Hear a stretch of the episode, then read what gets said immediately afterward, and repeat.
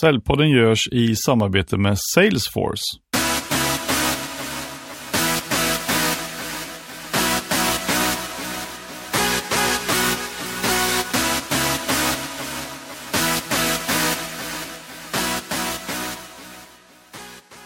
Idag har jag med mig en riktig stjärna från säljutbildarvärlden, nämligen Peppe Ekmark. Och med över 30 år i säljbranschen har han inte bara varit säljare, säljchef, försäljningsdirektör och entreprenör, utan också skrivit böcker, byggt säljorganisationer och skapat sin drömtillvaro i Toscana. Och med sina metoder har han bland annat skapat Sveriges bästa säljkår, sett till att de har slagit försäljningsrekord, blivit nominerad till såväl Årets chef och som Årets entreprenör. Och nu gästar han Säljpodden för att dela med sig av sina tankar om hur man kan sälja och leda på ett mer kärleksfullt sätt och hur du hittar nyckeln till kundens hjärta för att lyckas med din försäljning. Så varmt välkommen till Säljpodden Peppe. Tack så hemskt mycket. Varför blir det egentligen försäljning för din del? Ja, du, det var nog en ren slump faktiskt. Det var en kompis till mig som eh, berättade att han hade fått jobb inne på Östermalm inne i Stockholm och eh, skulle börja jobba som säljare. Jag kommer ihåg att jag var lite avundsjuk på honom. Men sen en dag ringde han mig och sa Peppe, vi behöver lite hjälp. Kan inte du komma in och hjälpa till? Så jag hoppade in på det här företaget en vecka och skulle hjälpa dem att sälja annonser i Expressen. Och eh, de hade gått en skola hela hösten, men jag första veckan sålde dubbelt så mycket som dem. Och då bara kände jag, men vet du, det här var ju riktigt kul ju. Så det var väl egentligen där det började. Mm. Så att jag fick faktiskt anställning på det jobbet. Och det var ett företag som heter Projektinitiativ som jobbar med medieutbildningar. Det var en fantastisk skola. Vad var det som gjorde att du liksom märkte direkt att du kunde sälja mer än de andra? Jag vet inte, jag, jag har alltid varit väldigt blyg av mig. Jag kommer ihåg min, min chef då sa till mig, Peppe jag fattar inte hur du kan sälja, du som är så blyg. Och jag var så blyg på jobbet, men när jag kom ut på kundmötena så tänkte jag så här, men det är ingen som vet vem jag är. Nu ska jag verkligen vara mig själv. Mm. Så jag försökte inte vara någon annan då liksom och vara så här förminska mig själv som jag har gjort ganska mycket när jag var yngre. Och jag bara, nej men jag, det här är jag och så körde jag. Och på något sätt märkte jag ganska snabbt att kunderna fick förtroende för mig och de gillade mig och, och gillar man mig så köper man av mig. Det är, liksom, det är inte så svårt med försäljning egentligen. Nej. och det var väl där som jag började, jag blev mer och mer nyfiken. Och jag blev ganska snabbt då så här, jag blev ansvarig för en grupp människor, jag fick dra igång egna projekt och egna tidningar. Och det var otroligt roligt. Tänk dig bara komma på en liten gratistidning. Alltså det här var ju före Metro, liksom. en tidning som heter Skopel och Halva priset-tidningen som vi delade ut i brevlådan i Stockholm. Mm. Och jag satt där på kvällen och ritade massa tidningar. På dagarna sålde jag annonser till dem, ringde tryckeriet och ja, det var så roligt. Det var fantastiskt. Det var så det började. Ja, vad spännande. för, för, jag tänker för eh, i dina föreläsningar säger du eh, du är ganska personlig när du är ute och föreläser mm. och eh, för att beskriva vem du är och vad du behövde ändra på i ditt liv för att eh, det skulle bli så bra som möjligt för dig. Men nu, nu beskriver du ändå att försäljningen var, kom ganska tidigt, men sen så vart det inte riktigt så som du hade tänkt dig och behövde en vändpunkt. Nej, ja men någonstans, och det här handlar ju väldigt mycket om liksom självkänsla inser jag idag. Mm. Men vet, när jag kom tillbaka och så hade jag sålt annonser. Då kom ju chefen och alla kompisar. Wow, vad duktig du är!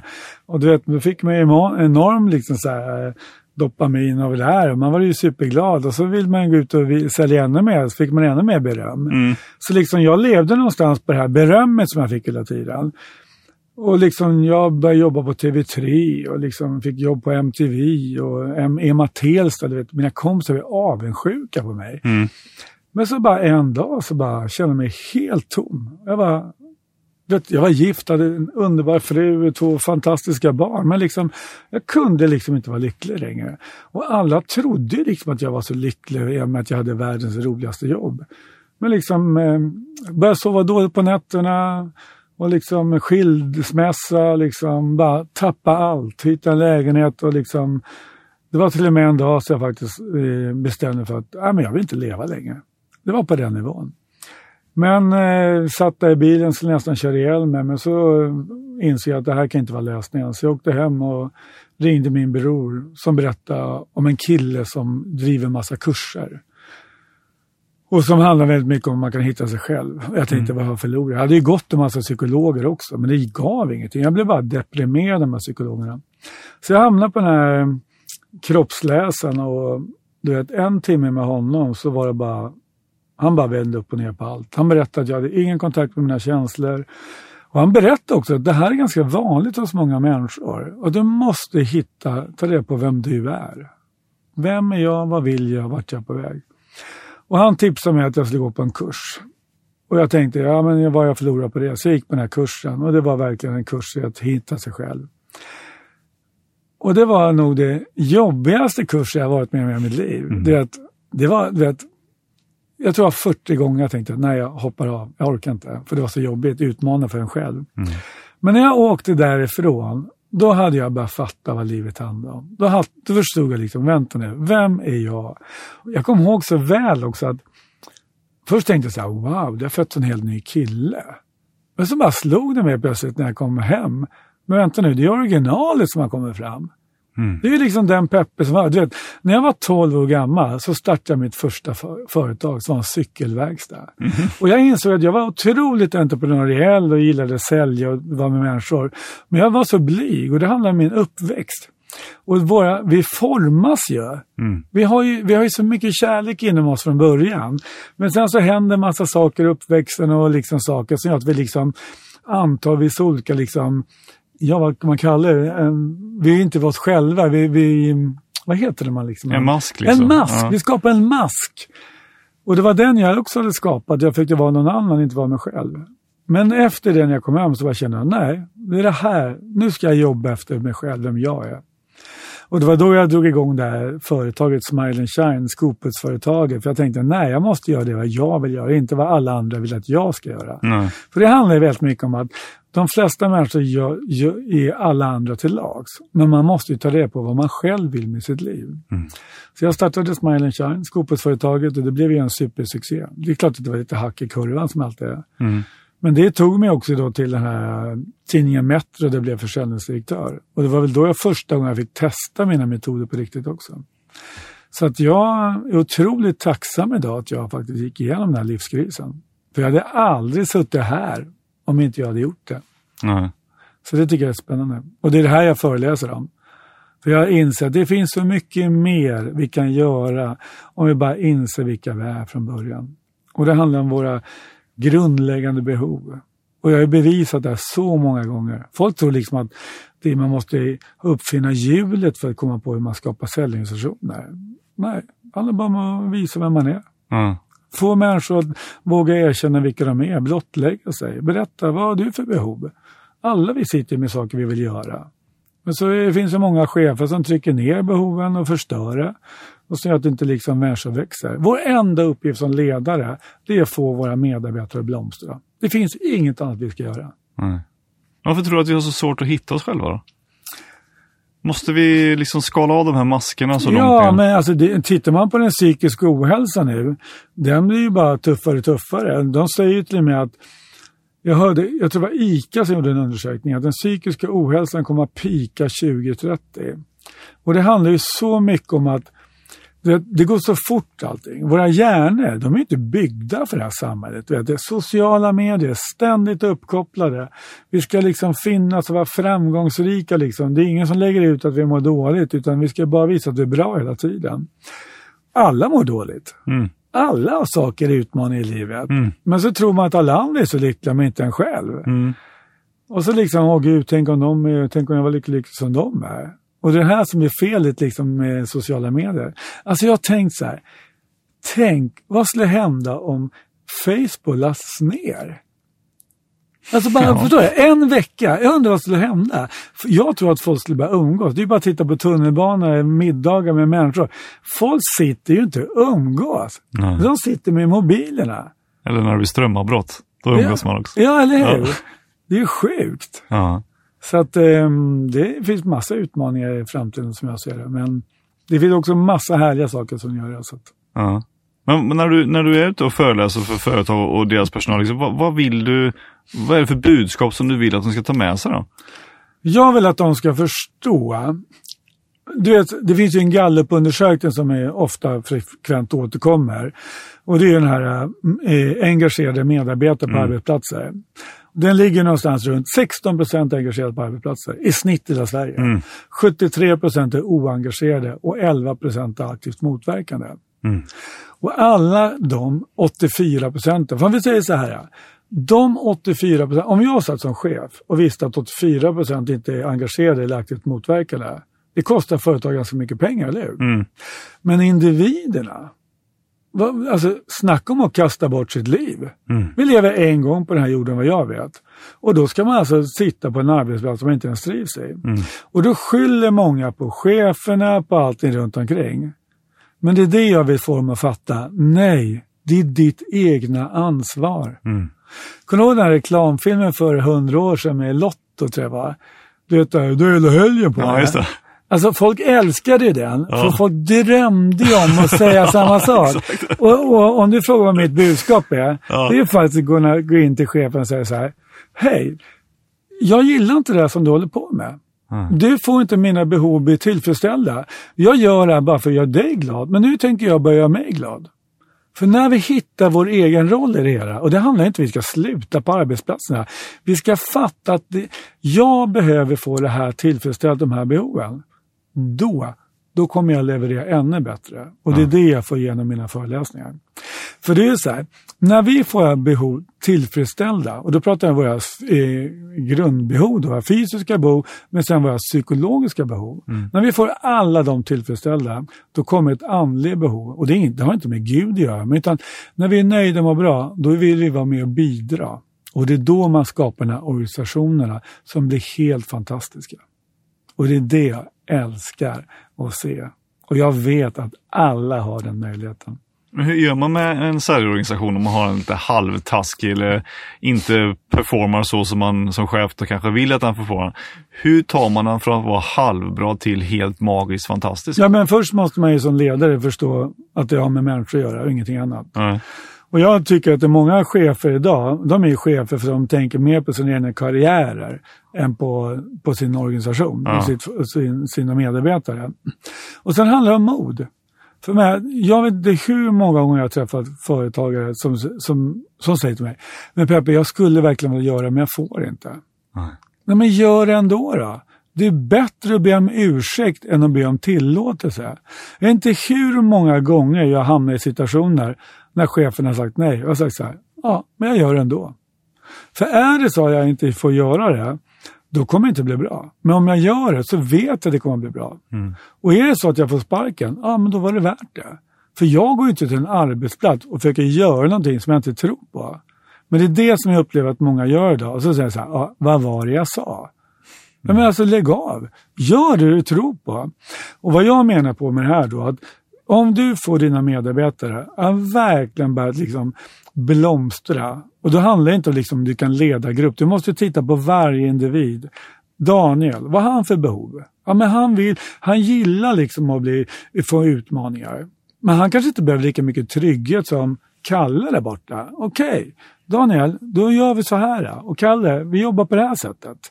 Det är då liksom folk, ja men vänta nu, chefen lyssnar ju på mig och fattar det här. Och det är då de börjar inse, vänta nu, i och med att jag, jag som ledare ser till att de får sina behov tillfredsställda, då kommer de också bli mycket mer trygga och känna att de vill vara med och bidra. Mm. Om vi tar de här grundläggande behoven, vet, vi behöver sömn, vi behöver vatten, vi behöver näring och vi behöver liksom eh, några till. Så att mm. säga. Om du behöver sömn, hur känner du det? Ja, man känner ju att man får ju dåligt på ork. Ja, du är trött. trött ja. om, du, om du behöver vatten, vad känner du då? Ja, törst. Ja, törst. Mm. Okej. Okay. Du känner ganska tydligt att det är någonting. Men om du inte får några utmaningar, hur känns det då? Ja, då blir man ju lite less. Irriterad, ja. ledsen, irriterad. Förstår du? Ja. Och så behöver du trygghet, men du får inte trygghet. Man är osäker. Då. Ja, precis. Ja. Och så undrar vi varför vi inte mår bra på arbetsplatserna.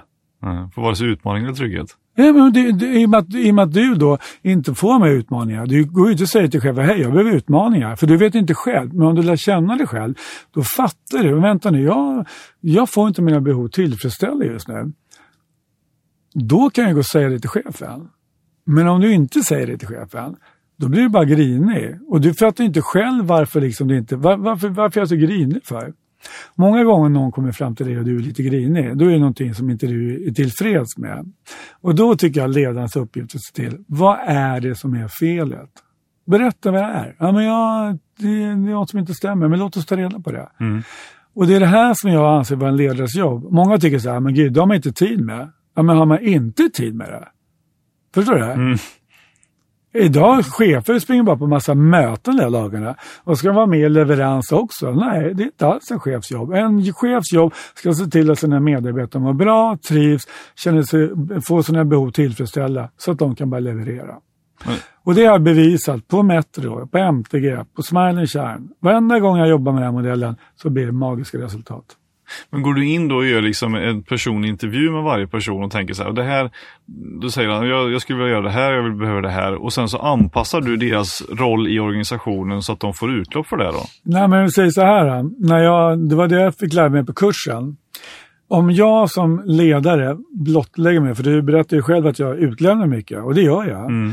Men jag har märkt att när jag verkligen blottlägger mig själv och berättar vad jag har varit med om, mina utmaningar, hur jag upplevde min svartsjuka som jag hade när jag var ung och allting. Då märker jag att många människor, oj jädrans vad han var, vågar blottlägga sig. Men jag känner ju också vissa saker. Men i och med att när någon börjar blottlägga sig, då börjar någon annan göra också. Mm. Så när jag kommer på ett jobb eller jag håller en föreläsning eller en kurs eller någonting, då börjar jag berätta det här. Och i och med att jag är så öppen, då vågar folk berätta sig tillbaka.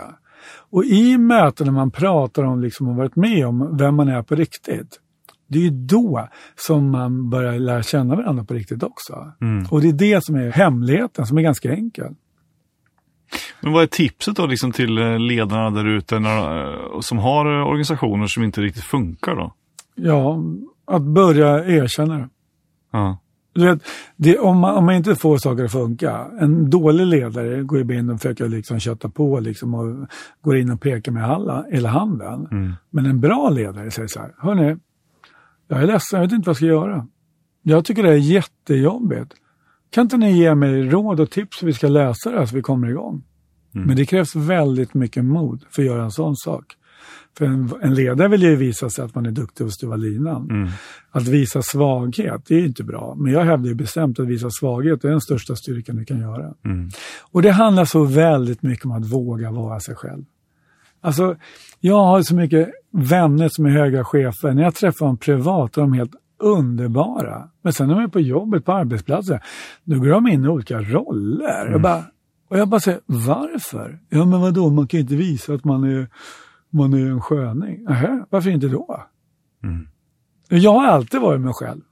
Och bevisligen så funkar det också, förstår du? Mm. Till och med träffa kunder liksom. Jag, jag kan ju också, jag håller inte på att spela roller. Och det jag märker liksom att är man sig själv till 100 procent, då, då, då möts man till 100 procent också. Förutsatt att man inte är en idiot då? Ja, men alla människor, det är klart att det finns knäppskallar, men man, de flesta människor är ju vanliga människor, så är det. Ja. Men det finns ju med psykopater på arbeten. Det är vad, vad var de sa, 10 procent av alla vd är ju psykopater. Och jag kan förstå eh, om du är aktieägare på ett sätt också, för psykopater får ju faktiskt väldigt mycket gjort. Ja. Och det händer skapar resultat. Men medarbetare var inte speciellt bra. Ja. Så det är dubbelt också. Så att, ehm, Du nämner ibland det här eh, uttrycket kärleksfullt ledarskap. Mm. Vad tänker du att det är då? Ja, men det, det här handlar väldigt mycket om det vi pratar om, att faktiskt se människan. Och inte se det som en, som en, en fabrik eller som en motor i en del, utan det är en människa som ska hjälpa till och bidra med det här företaget. Och om vi hjälper, om, om jag är kärleksfull, men ta ett exempel. Om jag, om, om, ibland måste man ju tyvärr säga upp människor. Det jag märkte många gånger, aha, då ska man gå till HR-avdelningen. Och så går man till HR-avdelningen och säger så här, hej jag måste se upp den här personen. Ja, då ska vi ge en skriftlig varning till den personen och så sitter man där. Och varenda gång känner jag, vad fel det här blir. Mm. Så till slut känner jag så här, nej, jag vägrar gå till HR-avdelningen. Så jag, jag gick till den här personen och frågade och sa så här, jag är ledsen. Men jag blir så himla ledsen och besviken när jag känner att inte du gör det som jag kommer överens om. Kan inte du berätta hur du känner? Och då förstod jag för första gången också att men den här personen mår inte heller bra. Nej. Och så när vi började prata om det, och så sa han, men du kanske inte är på rätt arbetsplats. Det kanske är bättre att göra någonting annat, så låt oss komma överens om en bra eh, avslutning istället. Ja. Men det är klart att inte den personen blir arg på mig. Nej. För de vet ju om att det är rätt. Men om, om, om samma situation skulle vara att nej, nu måste vi ge dig en skriftlig varning. Då kommer ju taggarna ut på en gång. Det är väl ingen kärlek i det? Nej. Och det är det jag menar. Så länge när jag menar med kärleksfullt så handlar det om att berätta hur du själv känner. Så kommer de förstå på ett annat sätt. Ja. Det är samma sak, vi ibland när kunder bråkar med mig. Jag bara så här, Alltså jag blir så ledsen över det här för jag var inte med att det skulle bli så här. Hur, hur, hur kan vi göra på bästa sätt så vi båda blir vinnare ur det här liksom? För det här är, du tycker inte heller det är kul. Och direkt liksom. Och det här handlar med försäljning också. Jag tycker det är så roligt. Man pratar med försäljning och så träffar man kunder. Och alla så tror alltid så här kunder, jaha nu, ska vi, nu är vi vi mot dem. Men jag har alltid tänkt så här, vänta nu, det här är ju min bästa kompis som inte jag har lärt känna än. Så jag säger så här, du, du vill ju tjäna mer pengar, eller hur? Ja. Och jag tror några idéer på hur vi kan göra det här tillsammans. Ska vi diskutera lite förslag? Mm. Då är det ju inte försäljning längre, eller hur? Nej. Då, då, då börjar man sitta på samma sida. Vad tror du om så här saker? Och det är det som jag tycker är så roligt med det här, hur du hittar nyckeln till kundens hjärta som min bok heter, Ja. Sälja bra eller sälja bra. Det handlar ju bara om hur vi liksom skapar relationer med varandra. Och gör vi det, då blir allting lätt. Men använder du det liksom i, på vilket sätt lär du ut det till dina säljare då, som inte har fått det här liksom i blodet för sig från början? Att bli kärleksfulla i sitt sätt att sälja till sina kunder? När jag började på MTG, då eh, första dagen, då var jag, det var ju tredje gången jag kom tillbaka till MTG. Då samlade jag hela, den förra chefen och jag samlade alla säljare i ett rum. Och så fick jag presentera mig och sen så gick den andra chefen, skulle vi sitta och chatta lite. Och då sa jag en grej till dem. Hörrni, ni, ni kan det här mycket bättre än vad jag kan. Ni är ju proffs på det här. Kan inte ni berätta för mig vad ni skulle göra om ni satt i mina kläder nu? Och ni får brainstorma hur mycket ni vill. Alltså det tog ju fem minuter så fick de förtroende för mig. Mm. Och sen började de berätta listor och så bara, men varför har de inte gjort det tidigare för? Ja, men det fattar inte vi heller. Så, ja, men det låter ju faktiskt helt sunt. Så jag skrev ner alla lapparna, papp, titeln och allting. Och sen bara, så, här, ja, men låt oss bestämma att vi gör det här nu istället. Och det är klart att det var ju mycket fight mot cheferna, men det blev ju bra också. Du har inte ringt från Metro nu då? ja, ja, det här var ju faktiskt, ja, nu tror jag Metro har andra utmaningar med att folk inte läser tidningar mer också. Ja. Men det är klart att det kliar lite i fingrarna.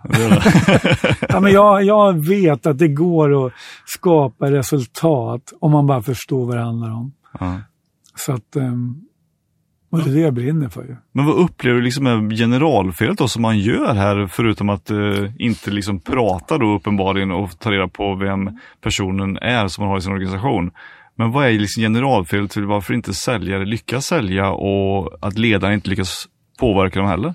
Nej, Men om en säljare inte lyckas sälja, då är det ju faktiskt inte säljarens problem, då är det ju faktiskt chefens problem. Ja. Och verkligen, vad, vad är det som gör att inte Kalle säljer?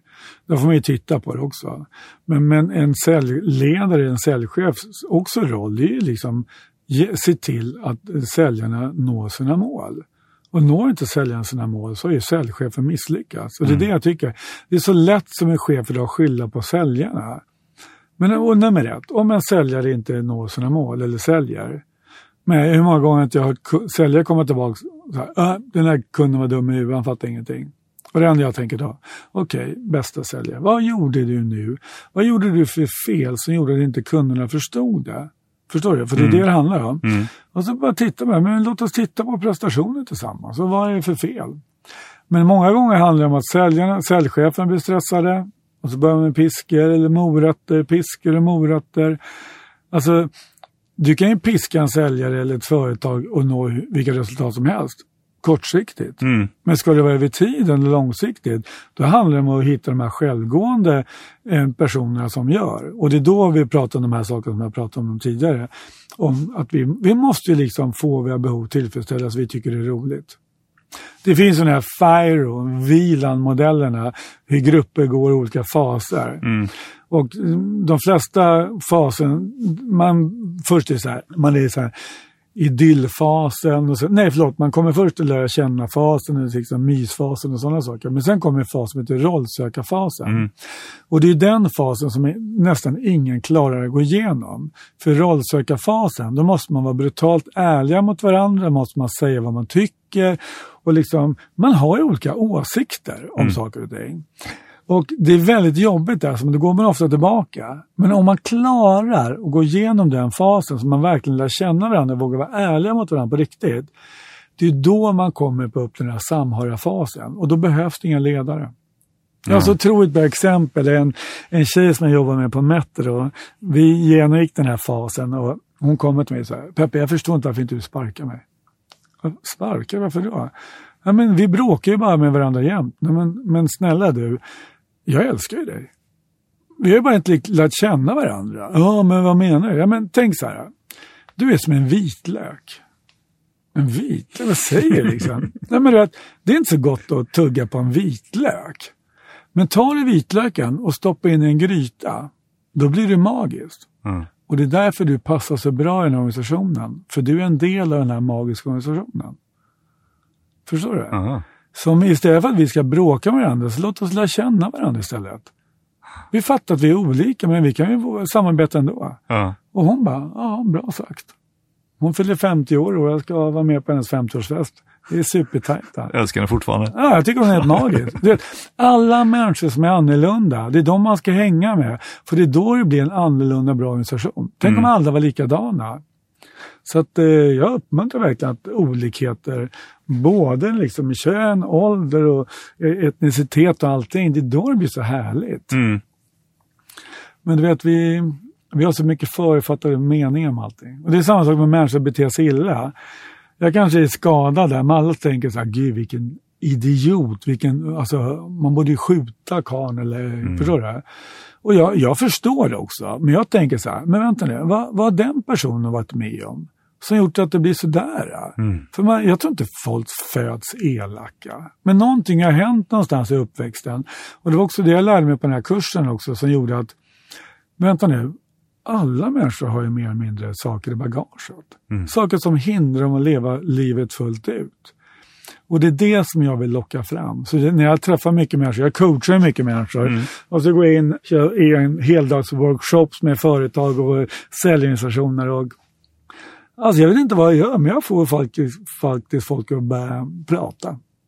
Och jag, alltså det var en föreläsning som jag hade, där vdn efteråt skulle resa sig upp och tacka mig.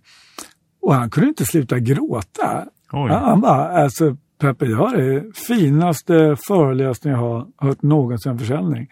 Och när han började gråta, då var han så ärlig, så började hela företaget gråta. Och det blev en sån fantastiskt härlig känsla. För jag älskar ju människor som vågar visa sin sårbarhet. Ja. Det är då det blir på riktigt. Ja. Eller hur? Man visar sitt mod helt enkelt Ja, genom visst. sin sårbarhet. Absolut.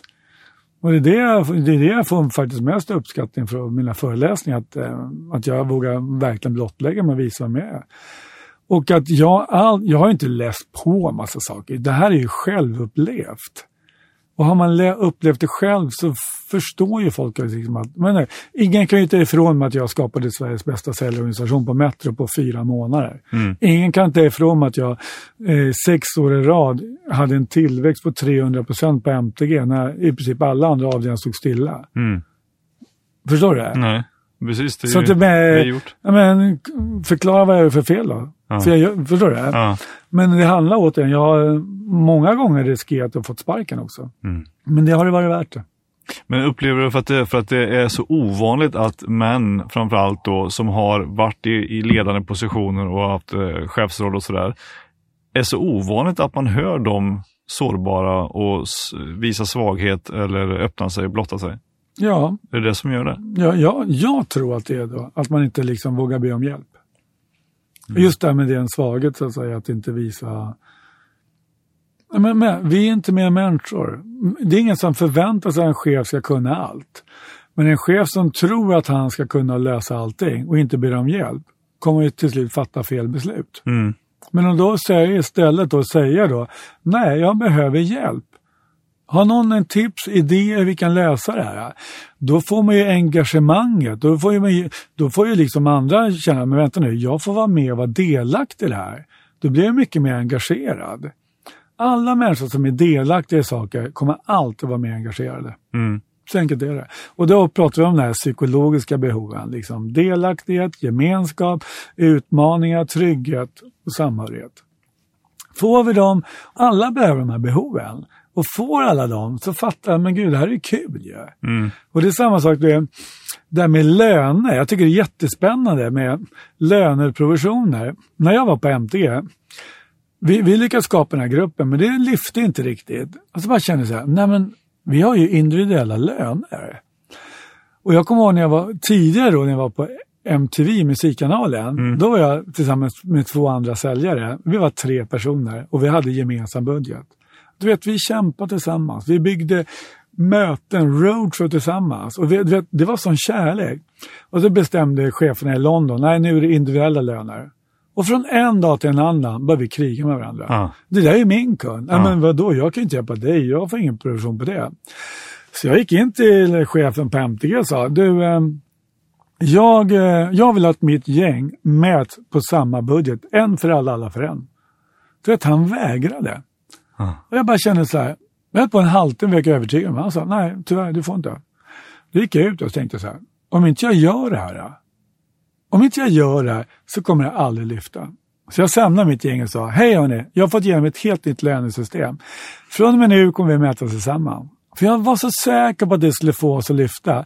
Och om vi nådde då 100 20% 120% då skulle inte lönekontoret märka det.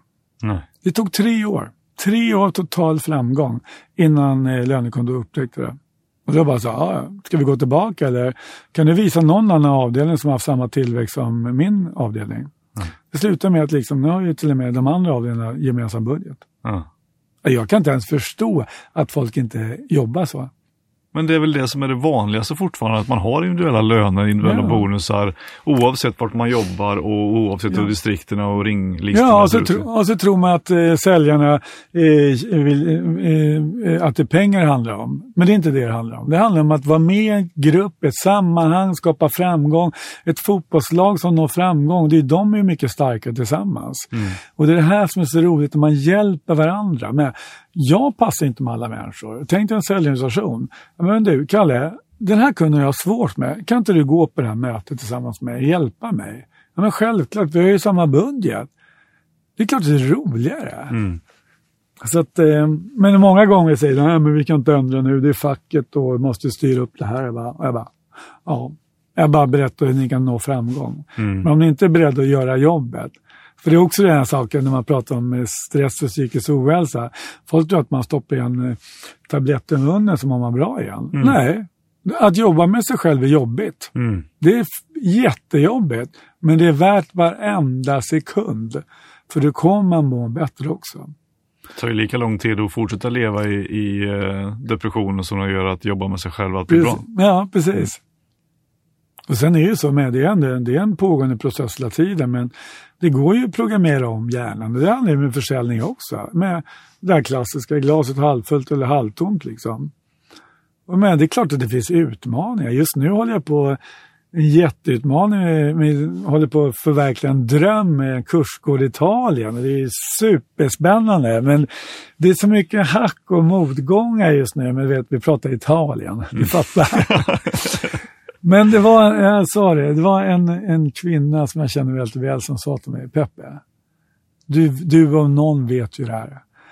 Om det var lätt att leva sina drömmar, då skulle alla göra det. Mm. Det är nu livet kommer till dig och, och vi tränar dig. Det är nu du ska bevisa att du är värd de här drömmarna. Ja. Och det är också så här, alla människor som ska starta företag, det kommer vara motigt. Ja. Men var beredd på det. Jag säger alltid lagen om tre. Det kommer att kosta tre gånger så mycket som du budgeterat och det kommer att ta tre gånger så lång tid. Men bara kämpa på så kommer det bli bra.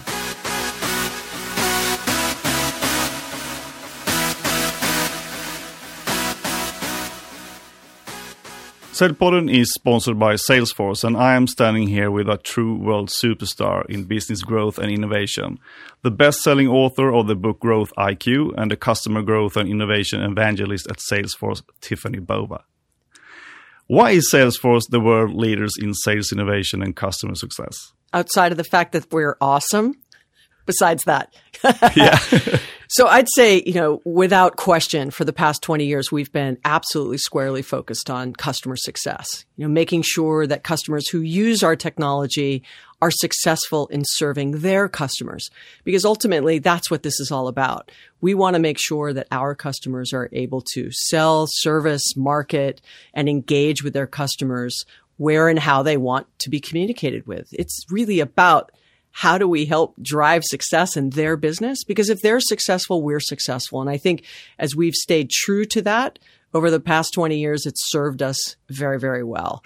Mark Benioff likes to say that behind every decision we make is a customer. So when we start to make adjustments to products and launch new products and the things that we make investments in, it's because of what our customers and our broader shareholder and trailblazer community wants from us. And that really remains our true north, absolutely uh, focused on customer success. Yeah. But for companies that would like to grow then, but still not figure out how to enhance the customer experience, what would you like to advise them to? The first thing I always say when companies want to sometimes shift from being product led to being more customer led is get out of their office and go meet with customers.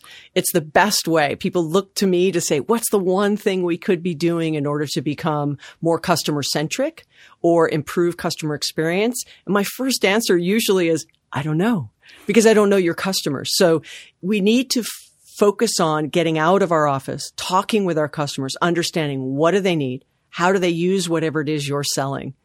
What do they need from you in the future? And just make sure that you are there to greet them when they show up, whatever might be next for them. So the first thing I'd say is getting more customer centric or improving experiences, understanding the current experience that they have today with you. Then and only then can you look for areas for improvement where you can pivot, even small enhancements, you know, moving from customer service being a cost center to being a revenue generating center uh, and really starting to shift that, which moves to being more customer success oriented where people are rebranding customer service to customer success for that very reason. So I'd first say by understand who your customers are and then make sure that the decisions you make from a people and process standpoint all align towards that customer. Uh, but why do you think that companies should start to work with Salesforce in order to grow their business then? Well, I think it goes back to that. Once you understand what it is, you know, even thinking about Salesforce more broadly than CRM specifically, right? It is more than customer relationship management. Now we have Sales Cloud and we have Marketing Cloud and we have Service Cloud. And if you just look at the power of those three clouds integrated together, bringing disparate units away from being siloed and more connected around a single view of the customer and the customer 360, as we like to say. Getting those three groups uh, oriented to the same kinds of key performance metrics, the things that they're focused on, aligning them around the customer experience. So sales, service, and marketing is really critical. And I think we're uniquely positioned to do that because of the fact that we have clouds that serve, you know, each of those units and, and organizations within a company. And now with MuleSoft, you know, we're able to bring them together even more tightly. Thank you. And good luck with the new book, Growth Thank you. IQ. Thanks for having me. Yeah, thanks. Jag tänkte backa lite grann till det här med löner. Jag kom på, jag får, jag får ofta frågan liksom själv, så här, vad tycker du om det här med bonusar och mm. individuella löner och um, hur ska man göra om man har startat nytt? Jag skulle behöva ha en säljare jobba hos mig men, men jag har liksom inga pengar att betala den personen. Kan inte han, kan inte hon vara på provision bara? Mm. Ja, men jag, vad ja, du? Ja, men varför ska den personen ta din risk för?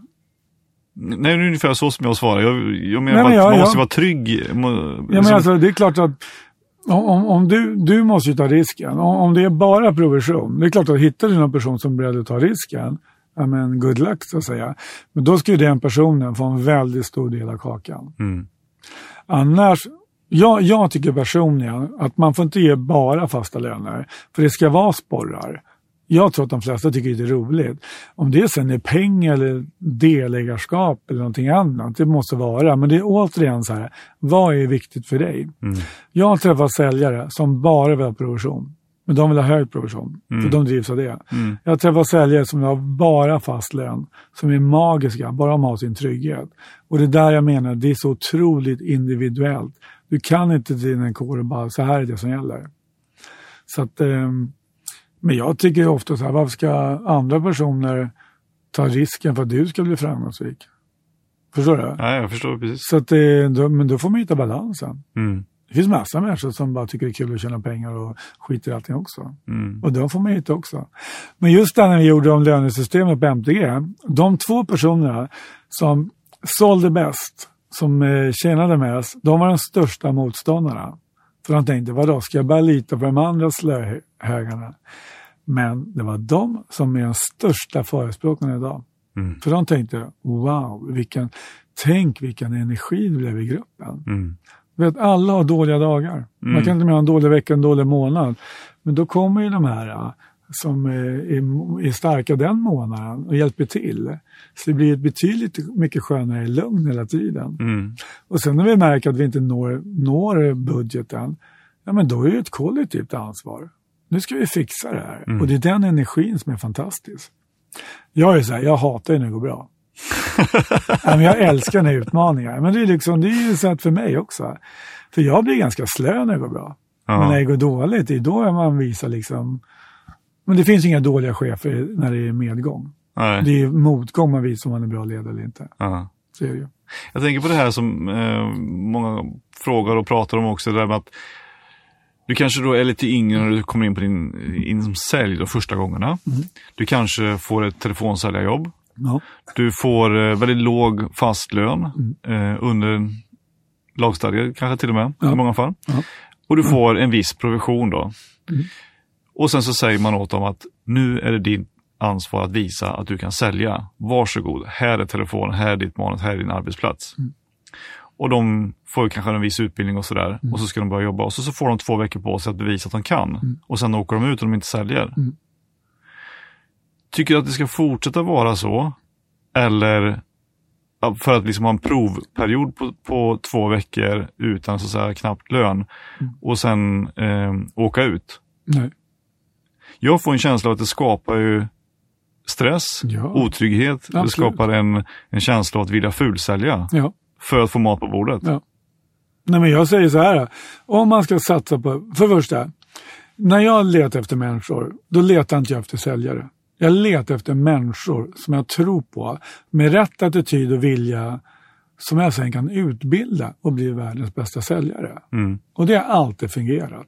Men om jag då hittar rätt person, då ska den personen ha minst tre månadslöner, garantilön, så att den har tre månader på sig att lära det. För det tar ju i snitt tre månader. Man brukar säga att när man börjar på en nytt arbetsplats så tappar man ju självförtroendet. För man kan ingenting. Och sen långsamt så bygger man upp det.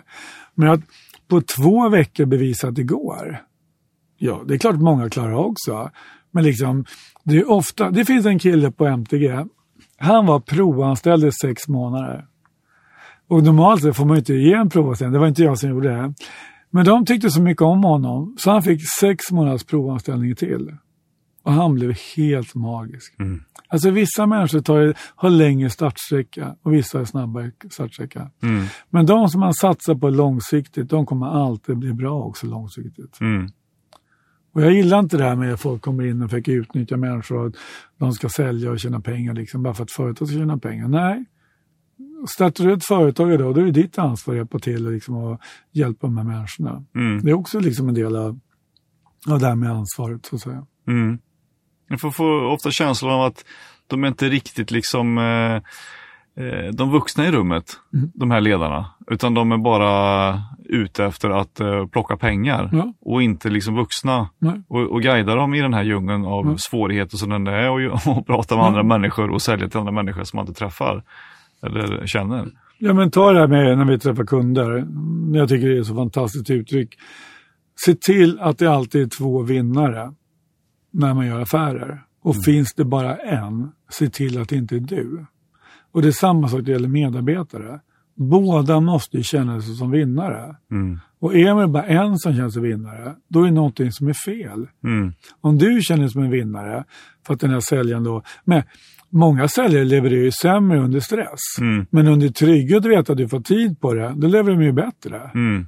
Det är det, det är det här hela resonemanget handlar om. En annan sak som jag tycker är viktigt också, vi pratar om sälj och säljtävlingar. Då är det ofta så här, om ni når resultatet, då gör vi det här. Då Mm. åker vi dit. Jag hävdar tvärtom. Har ni vet vad vi gör? Vi åker på en resa först och teamar ihop oss och sätter nästa mål. Man börjar med att ge för att få tillbaks. Mm. Jag älskar det. Det funkar varje gång. Men där är folk så här, men gud vi har inte råd om att göra de sakerna. Jag, vet, jag hävdar bestämt, vi har inte råd att inte göra det. Nej. Vi måste se till att våra medarbetare mår bra, trivs, visa att vi bryr oss om dem. Då är då allting händer. Men är det en ledarskapsfråga eller är det liksom en, en självlärande förmåga? Att plocka fram och gräva i sig själv av vad man behöver? Men jag tror inte att det är så svårt egentligen. För att med, förr eller senare så tror jag att de flesta människor hittar sig själva. Om det är genom att de har varit med om något traumatiskt eller liksom att man blir äldre och visar det. Så hittar man det. Men eh, i början tror jag det handlar väldigt mycket om att man visar sig på styva linan. Man vill visa att man är duktig, liksom, man är smart. Och liksom, Kolla nu fick jag sälja, bara leverera. Liksom. Men du vet, en, en, en dålig ledare, när han eller hon slutar, då dör ju allting igen. Mm. En bra ledare, när han eller hon slutar och det bara fortsätter, då har man ju skapat någonting över tiden. Mm. Och det är det jag menar. Då, då har man ju liksom utgått från medarbetarna och inte sig själv hela tiden. Mm. Det låter kanske lite flummigt men är, när, man, när man pratar, jag har ju en pedagogik som jag lägger upp när jag kör mina föreläsningar, när jag kör mina workshops och det blir väldigt tydligt. Mm. Och folk förstår. Folk förstår verkligen när jag förklarar vad det handlar om. För det är ju bara att se det själv. Vad är viktigt för dig? Vad ska, vad ska få dig att känna dig trygg och vilja leverera och inte vara orolig för ekonomi och sådana saker? Ja.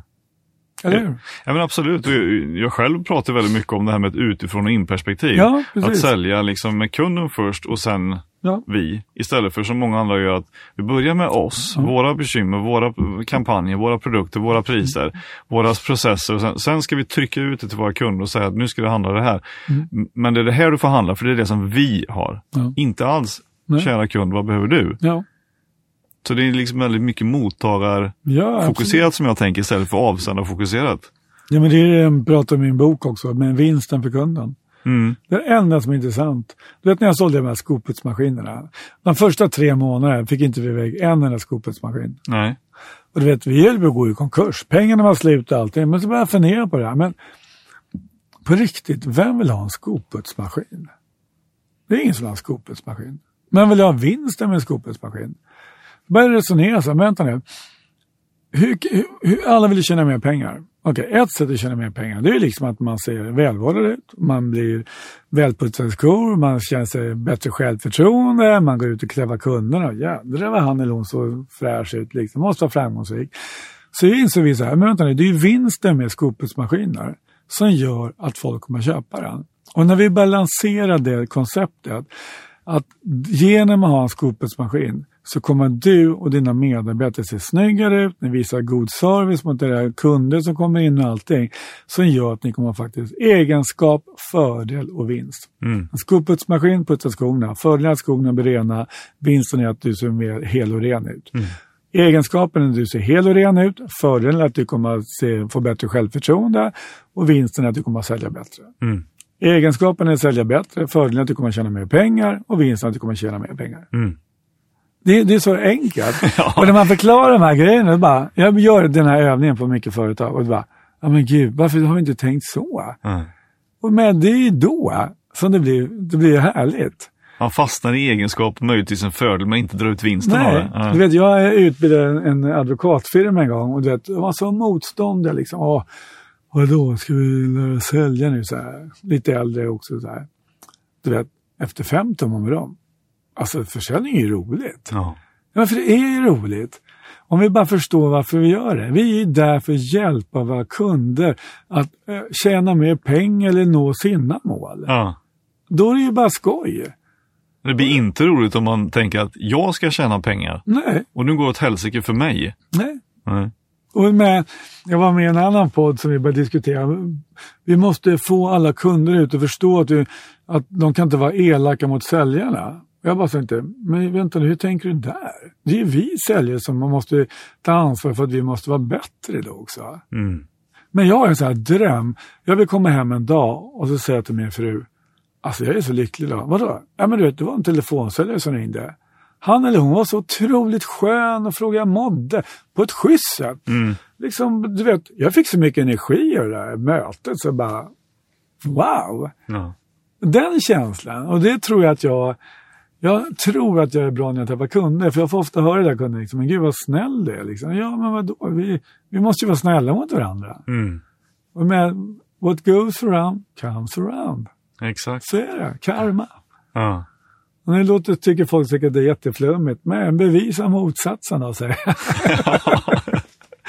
Ja, vi sitter ju på The Park på Söder här och spelar in det här avsnittet och, och de berättar på morgonen här så var ju Amo Cartwright Ja. här och, eh, och pratade. Han var ju också med i Säljpodden här Ja. förra året och då berättade han just om eh, hans första eh, eh, säljjobb när han skulle sälja mobilabonnemang och att eh, hans eh, chef kom in och, på eftermiddagen och sa, vad fasen Amo, du ringer ju inte några samtal här. Ja, vadå? Ja, Du har ringt 10 samtal och de andra ringer bara 100-120. Ja, men hur många har de sålt då? Ja, den bästa ligger på fyra. Ja, Men jag har ju sålt åtta. Ja. Och då säger chefen, ja men tänk om du hade ringt 100 samtal, då har du sålt 80. Nej, sa han. Det går inte. Nej. Man måste ju liksom, Ja. han, han använder ju tekniken att liksom Mm. använda kundernas eh, och skapa förtroende och givetvis för att få Ja, men han, är, han är magisk och, Ja. med, och jag älskar hans energi. Han är också så här som bjuder på sig själv. Ja, Och det är därför han har blivit så framgångsrik också. Och jag håller med, men många säger så här, 100 knack, 10 snack och ett tack. Jag tror inte på det där. Det är klart att det är på en viss nivå, men jag är så här, okej, jag måste hitta två nya affärer i veckan. Ja, men då ringer jag två kunder. Men jag gör ju förbereder jobbet. Jag tänker till så här, vad är viktigt för den här kunden? Vad, vad, vad har den personen för behov? Och så, då, då når jag ju också med. Jag kan säga så här, det är sällan jag inte får ett möte bokat. Mm. Men det beror ju på att jag gör jobbet innan. Men jag exakt. skulle aldrig lyfta luren och bara kallringa liksom. "Ja, Hej, hej, hej. Då blir man ju som en robot. Ja. Vet, tyvärr många telefonsäljare, jag säger åt dem, hörni, gör så här nu. Lägg på. Och så ringer du upp och säger så här istället. Mm. Och de bara, ja men det där var ju mycket smartare. Ja, visa att liksom, bara säga så här, hej Peppe, jag ringer från Tele2. Jag är väldigt, jag, vet, jag förstår att du är stressad, upptagen och allting. Jag måste bara fråga, är du nöjd med ditt abonnemang? Finns det någonting vi kan snacka om? Nej, jag sätter det, går- det går ut om tre månader. Vill du göra, hitta en bättre deal eller inte? Annars lägger vi på. Alltså han fattar ju på en gång. Mm. Ja, men vänta nu, tack för att du ringde. Du, kan inte du ringa mig imorgon istället? För jag är faktiskt intresserad när du säger det här. Mm. Men istället för, tjena tjena, Tele2 här, jag måste fixa det och det. det blir, nu behöver jag inte bara hänga ut Tele2, för jag älskar Tele2, Tele2 faktiskt. Men, men förstå det som ett exempel. ja, exakt. Och det handlar bara om att tänk på vem du ringer till. Ja. Hur du för, uppför dig. Och det måste vara äkta, det var det med kärlek. Ja. Du måste sälja och leda med kärlek. Kunden märker när du är äkta. Ja. Man kan lura alla andra, men man kan aldrig lura sig själv. Och det är det jag menar, att när du är dig själv till 100% då syns du rakt igenom också, alltså alla andra. Ja. Du, eh, din bok då, Sälja bra eller Sälja bäst, har ju legat på topplistan här ganska länge. Ja, det och har varit en, eh, en hit får man ju säga. Ja, Ja, det roliga är att den, eh, den släpptes för två och ett halvt år sedan. Ja. Men det är nu den bara pikar. Nej, jättekul. vad, vad tror du det är med boken som, som fängslar så många och som eh, har lett till den här framgången? Då? Ja, men jag tror att det handlar om, jag har läst själv så mycket böcker, säljböcker. Och jag vet ju, vi människor, vi är slöa naturen. Och så tänkte jag så här, varenda gång jag läste en säljbok så orkar jag inte läsa klart den, det var för mycket teknik, det var mycket processer. Jag tänkte, nej, det, här stämmer inte. Jag tänkte, jag ska skriva en bok utifrån hur jag tror att det är. Efter mina tankar och mina värderingar och allting. Så jag bara skrev rakt upp och ner. Jag tänkte att den ska vara inspirerande, man ska kunna ramla in i boken på en gång och ska vara väldigt mycket historia från livet.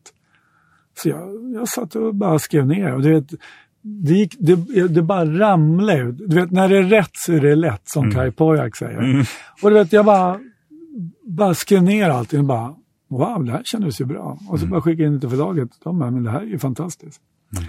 Så att, eh, jag tror det handlar om att folk, folk fattar. Mm.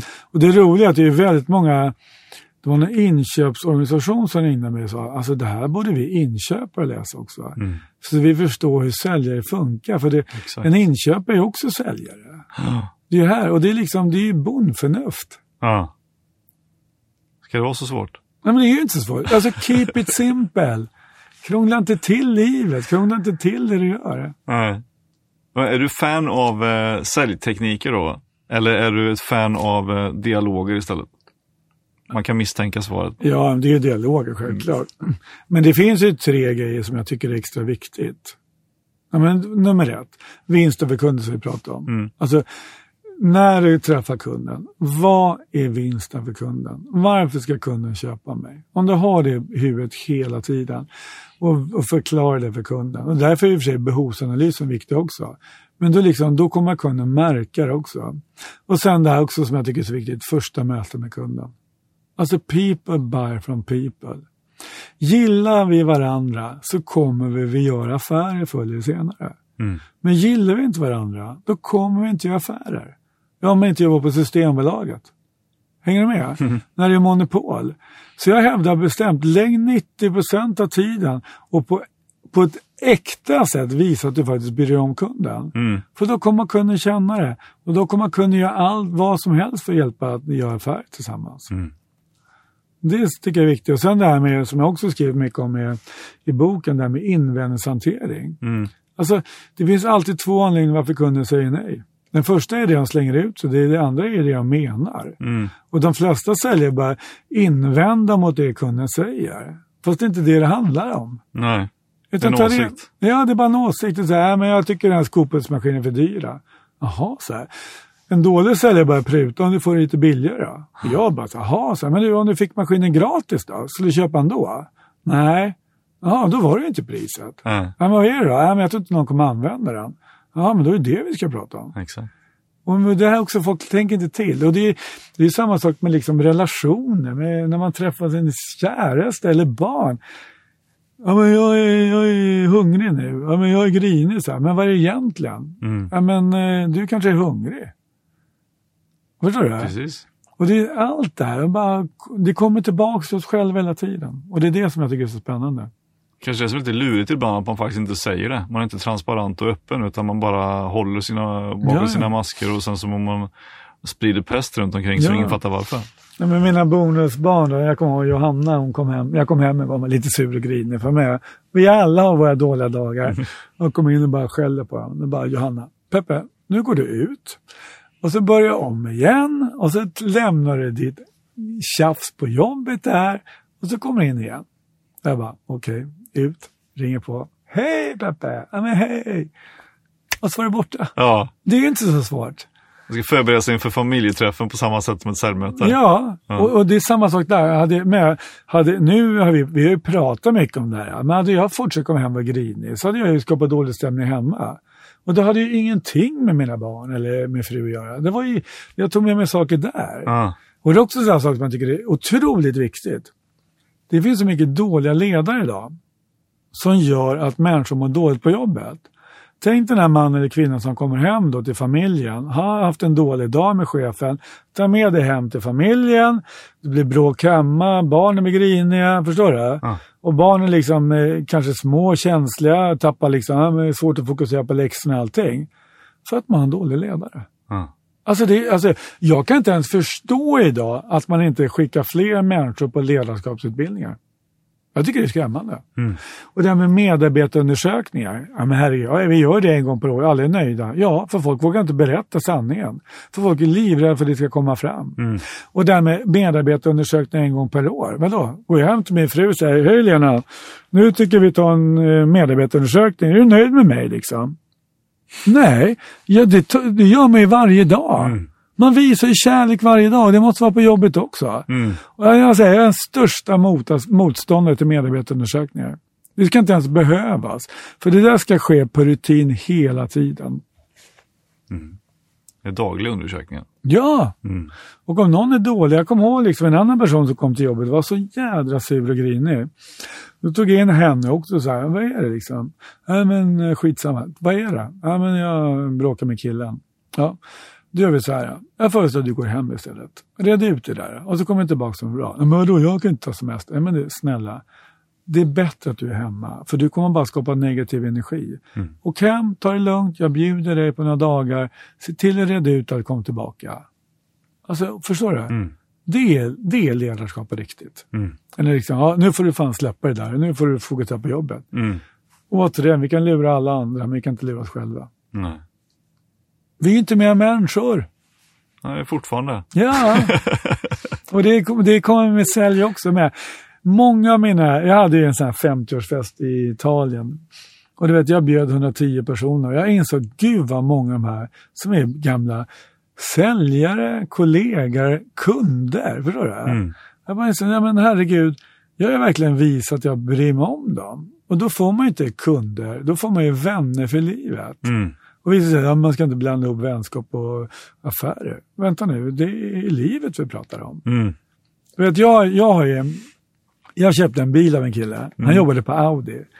Och så en dag kom jag hem så här, med en BMW. Så, men Peppe, du kör alltid Audi. Ja, men han har ju slutat på Audi, han kör BMW nu. Börjar jobba på BMW.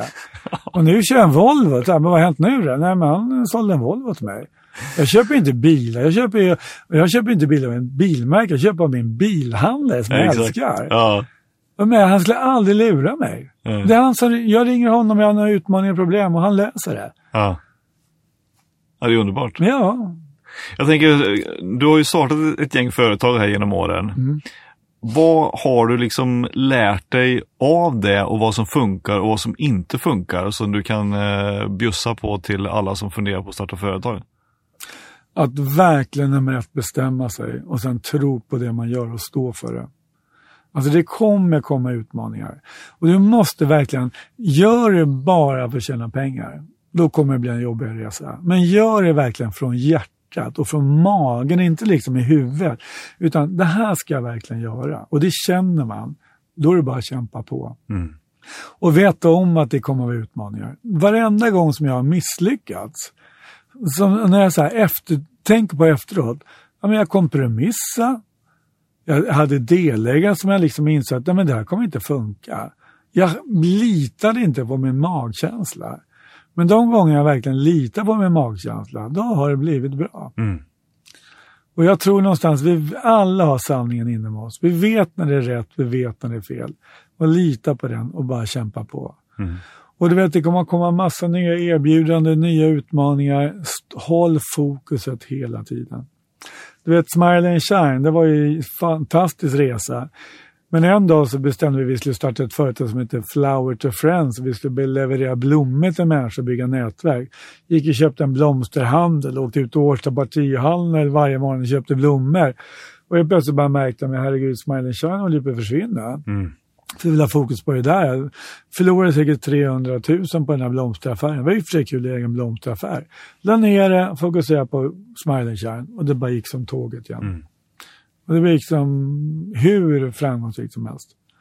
Så fokus, fokus, fokus. Det är som i mäklarbranschen. Läge, läge, läge. Här är fokus, fokus, fokus. Och sen en annan sak som är viktigt också. När det gäller sälj och säljstatistik. Alltså det, kunder köper inte första gången. Inte andra gången, inte tredje gången. Det är femte till tolfte gången som en kund köper. Men de flesta säljare lägger av vid första till femte försöket. Och så tror de, nej kunden kommer inte köpa. Och jag hävdar, men herregud, ju fler nej, ju närmare ett ja. Det gäller bara att liksom hitta en bättre lösning hela tiden. Mm. Kunden har aldrig sagt nej, de måste bara hjälpa hela tiden. Och det handlar om att bygga förtroende. Och det tar tid. Det är 2% direktavslut som görs vid direktavslut. 80 procent gör det 50 till 12 affärerna. Man måste inse det. Det är ett nötande. Men det är också det som är roligt om man förstår det. Mm. Man kanske inte måste göra affärer första Nej, gången. Man kanske nej. kan ta en kopp kaffe först. Ja, och då pratar vi här med det du pratar om provisioner. Det är klart att det måste, säljaren måste ha tid att göra, annars blir det sådana här fula affärer. Mm. Utan ta er tid, gå på möte, nästa, nästa, med allting tar tid. Mm. Vad är tipset då för de som upplever att de sitter på ett ställe där man sysslar med fulsälj? Ja, men jag, nummer ett, du måste ju tro på det, det du gör. Står du för det, skulle du själv köpa den här produkten, om svaret är nej, då är det bara att sluta på en gång. Mm. Man måste ju tro på det man gör. Men tror man på produkten och känner att det är fulsälj, ja, men då säger jag, då får du stå upp för dig själv. Mm. Det är ditt ansvar att ta reda på vad du har för behov och, och våga bli modig och stå för det du tror på. Så att du kan leva dina egna drömmar istället för att göra det som förväntas av dig. Mm. Och det är väldigt viktigt. Det är det jag, hela min, hela min målbild mina föreläsningar handlar om det. Våga bli modig. Man får inte sparken idag för att man utmanar. Det är ingen som kommer ihåg en fegis. Alla kommer ihåg modiga människor. Problemet är att vi- eh, folk, cheferna säger nej. Det är för att de själva är livrädda för att få sparken för att något går fel. Och då jag säger, men skit och fråga. Mm. Gör ändå. Det är bättre att prova, försöka och misslyckas än inte ens prova. Mm. Men det är också en del mycket jag pratar om föreläsningar. Men om du känner att det är någonting kommer att funka, stå på det. Mm. Men med alla nya idéer, det bygger på att det varit någon modig entreprenör som har vågat testa nya saker. Som har var beredd att förlora hus och hem för några nya drömmar för att hjälpa andra människor med sina drömmar. Förstår du? Precis. Det är det det handlar om. Mm. Och det vi i Sverige, vi, är så trygg, vi har så trygghet, vi har så mycket trygghet i Sverige. Vi har ju liksom, får man sparken så fick du så mycket försäkringar och allt som täcker upp ändå. Det, det föds ju för få, det blir för få entreprenörsföretag i Sverige idag. Och det är folk är så rädda för att misslyckas. Mm. Jag säger det igen, jag hävdar det är ett större misslyckande att inte ens försöka, än att försöka och misslyckas. Exakt. Det är bra slutord. Eh, Men jag ska bara säga en sak till eftersom du pratar både om läge, läge, läge och Ja. drömmar. Ja. Du har ju lite grann kombinerat det här i Ja. den sista tiden här i och med att du har skapat en eh, härlig tillvaro här i Toscana. Ja, Och där blandar du lite grann både business med mm, avkoppling får man väl säga. ja. Men hur uppkom det, den här idén att du skulle skaffa ett ställe där och att ni faktiskt nu håller ett antal kurser där nere? Ja, men jag mådde som sämst under den här perioden, innan jag gick den här kursen för ja, en massa år sedan, då var jag nere i Italien och då satt jag med min bror och då sa han till mig, Peppe, sätt upp en dröm som du har som en målbild. Och då var min stora dröm, det var att innan jag är 50, då ska jag ha ett hus i Toscana. Och du vet, genom mellan medgångar och motgångar, du vet, skilsmässa, fattig, inga pengar, nästan två, konkur- två konkurser bakom mig, personlig konkurs nästan liksom. Så liksom fanns den här stora drömmen att jag ska ha det här huset. Och när jag väl nådde det, och jag är så stolt att jag verkligen nådde det, det här huset, då blev det som ett andningshål. Och det började med att folk kom ner och hälsade på och liksom eh, tänkte man kanske köra en liten kurs där, jag hade med en massa medarbetare ner. Och sen bara gav det ena det andra. Folk bara höra av sig. Kan vi hyra ditt hus? Så kan du inte ha en säljutbildning där? Kan du inte ha ledarskap? Jag tog med en massa ledningsgrupper. Och sen en dag sa min fru Peppe, det här verkar gå bra ju.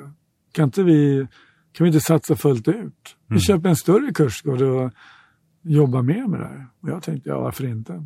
Så nu håller vi på att bygga den här kursen nu. Och jag hoppas att det är premiär. Den första kursen är nu i mitten på april. Så det är massor av spännande kurser. Hur man blir världens bästa ledare, världens bästa säljare. Men vi har även jättespännande kurser som eh, mindfulness, en hypnoskurs med Erik Olelkiewicz. Mm. Och sen är det mycket så här liksom, bara komma ner. Jag har en dröm att folk, folk som är stressade, kom ner en vecka och häng och bara må bra. Vi pratar om livet.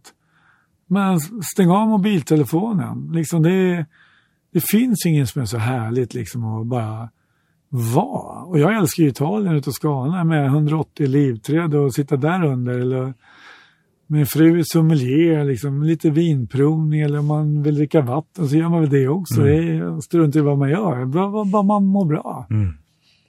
Och det är också en av framgångarna jag hade med MTG. Jag vet inte hur många gånger jag tog ner mitt gäng ner till Italien. Mm. Och, eh, folk sa alltid så här, men Peppe du måste ju ta betalt för de i ditt hus. Ja, men, syns inte det på lönekuvertet vadå? Mm. Vet, de var ju så tacksamma. Jag säger det igen, jag gav dem så mycket liksom, bjussa på mina grejer. Och istället fick jag ju tillbaka all den kärlek till dem. Mm. Eller de gav ju mig så mycket kärlek och visade att de, oh, wow, Peppe är generös, tycker att vi ska ställa upp för honom. Mm. Det är ett givande tagande. Det är det som är kärleksfullt ledarskap. Ja, precis. Mm. Du Peppe, stort tack för att du tog dig tid eh, mellan eh, allt jobb här och vara med i Säljpodden och, och prata om eh, din resa, dina tankar om kärleksfull försäljning och entreprenörskap. Tack för att vi kom. Ja, fantastiskt roligt och lycka till nu med kurserna här i Toscana. Tack, jag räknar med att du kommer ner och hälsar på. Garanterat. Ja. Och vill man eh, gå något av kurserna så går man in på peppeekmark.com. .se. Peppeekmark.se, där står det om alla kurser och om allting också. Mm. Och även föreläsningar och utbildningar, så jättespännande. Toppen. Tack! Stort tack! Tack för att du kom.